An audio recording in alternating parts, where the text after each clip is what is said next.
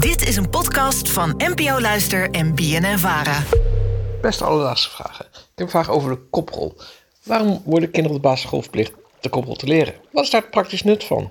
In mijn hele leven is er nog geen moment geweest dat ik dacht van... hé, hey, ik ga dit koprol doen, dat is makkelijker dan lopen.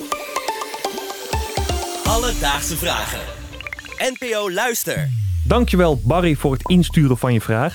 En deze gaat zo meteen beantwoord worden door een hele beroemde gymleraar. Maar Rosa, eerst even. Heb jij ook op de basisschool een koprol geleerd? Absoluut, kin op de borst en laat je maar vallen. Oh, jij kent die instructies nog heel erg goed. Zeker weten, ja, dat is toch ingeprint toch, op je brein. Kan je tegenwoordig nog een koprol? Nou, ik heb het al een tijdje niet geprobeerd, maar ik denk als ik mijn best doe met genoeg wilskracht kan ik het. Maar jij kan het wel, dat heb ik gezien. ja, klopt. Ja, we hadden het gisteren hadden we het over deze, ja, dit onderwerp. Ja. En eh, toen onder milde groepsdruk van de redactie eh, werd ik toch gevraagd of ik een koprol kon doen. En dat heb ik gedaan. En dat, ja, het was ongelooflijk. Ging- Eigenlijk is het onbeschrijfelijk. nou, nou, nou je, je flijpt me, je flijpt. Maar het Maar het ging, was soepel. het ging soepeler dan verwacht. Zeker. En dat voor iemand van mijn eh, motorische vaardigheid. Normaal ben ik ontzettend altijd, maar dit eh, ging nog best wel goed. Terug naar de vraag van Barry. En voor een antwoord belde ik met niemand minder dan Peter Heerschop. We kennen hem natuurlijk allemaal als cabaretier en programmamaker. Maar hij is ook jarenlang gymleraar geweest. Ja, vind ik echt ook echt een gymleraar. Als je het beseft, dan denk je, ja, dit is echt zo iemand die je in de gymzaal zou zien. Hij heeft wel het, inderdaad het aura van een goede gymdocent. Ben benieuwd. Dus Peter, waarom moeten we op school toch die koprol leren? de koprol, dat is, een, eh, dat is een ultieme beleving van over de kop gaan. En dat is, een, eh, dat is dat je heel even de coördinatie kwijt bent, dat je even je balans, je evenwicht kwijt bent en dat weer moet herstellen. Dus het is een hele, hele belangrijke eh, eh, motorische beweging waar je enorm veel aan kunt hebben. Het is de basis ook voor, voor andere vormen van over de kop gaan. Dus het lekker duikelen aan een rekstok of, achter, of, of eventueel een salto. Dus nog zweven is loskomen van de zwaartekracht en dan ook nog een rol maken. Dat is een heerlijk gevoel. Maar het is vooral ook eh, heel goed voor je, voor je balans en je evenwicht. En dat heeft te maken met het evenwichtsorgaan in je oren. Als je daarmee over de kop gaat, dan, dan blijft eh, daar zit een vloeistofje in en dat blijft, dat, dat blijft een vloeistofje. Het gaat niet kristalliseren. Zo voor oudere mensen boven de 40, als die nog een koprol maken, zijn ze, zijn ze gelijk misselijk en duizelig. Eigenlijk moeten die ook elke dag nog een koprol maken om dat losjes te houden. De koprol, mensen. De koprol is een levensreddend ding. Ongelooflijk wat ik hier hoor. Ja, als hij er zo over vertelt, ja, dan kan je toch ook alleen maar die, dat kinderlijke enthousiasme krijgen. Ik, ik wil spontaan een koprol doen. Ik ook, maar ik hoor ook heel veel. Want hoe hij begon van je zweeft even, je bent even uit balans en je moet jezelf weer terugvinden. Nou, dat is een metafoor voor het leven. Oh, mijn hemel. De salto is een metafoor voor het leven. Maar dat je het elke dag moet doen als 40-plusser. Dit is wel denk ik een, ja, iets wat wij de hele wereld moeten meegeven. Ja, want even een stapje terug. Die koprol aanleren, dat heeft dus wel degelijk een nut.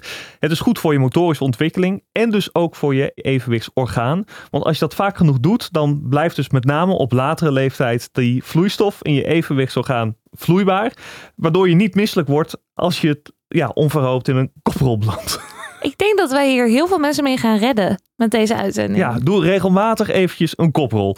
En nog eventjes om terug te komen op de vraag van Barry. Ik vroeg Peter ook nog even naar het praktisch nut van een koprol leren. Ik moet er wel bij zeggen dat als je gaat solliciteren, voor welke baan dan ook, ze zullen nooit vragen, eh, la- laat eerst eens een koprol zien. Dus, dus nou, ik maak het eerst heel erg belangrijk, omdat het, eh, omdat ja, bewegen en alle vormen van bewegen, en dit is een grondvorm van bewegen, die zijn hartstikke belangrijk. Maar het is nou ook niet weer, het is niet zo dat, dat er eh, niemand zet op, een, op zijn Tinder-account ook. Ik kan een hele goede koprol. Ja, ik wel. Jij wel? Vanaf vandaag ga ik dat doen in mijn bio. Alledaagse vragen.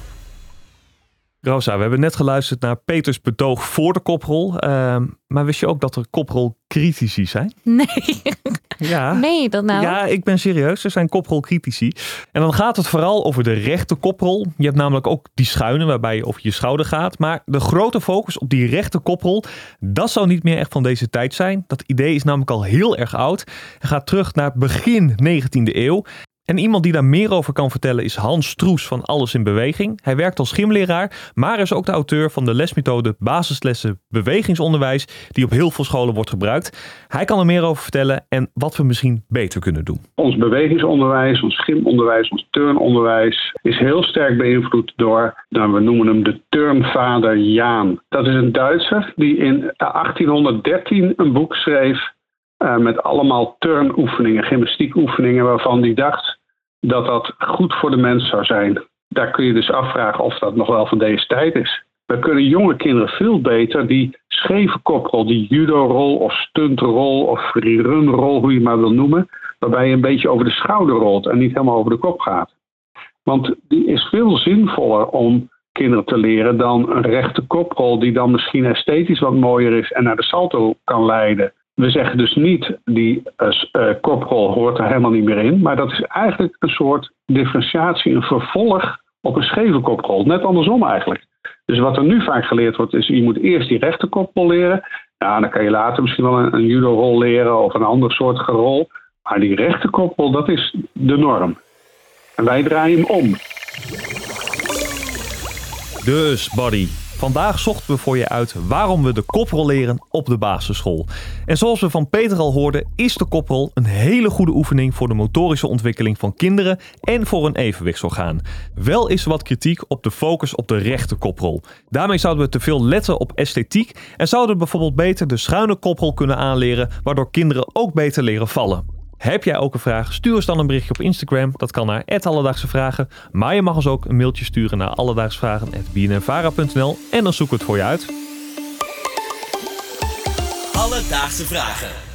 NPO Luister. BNN Vara.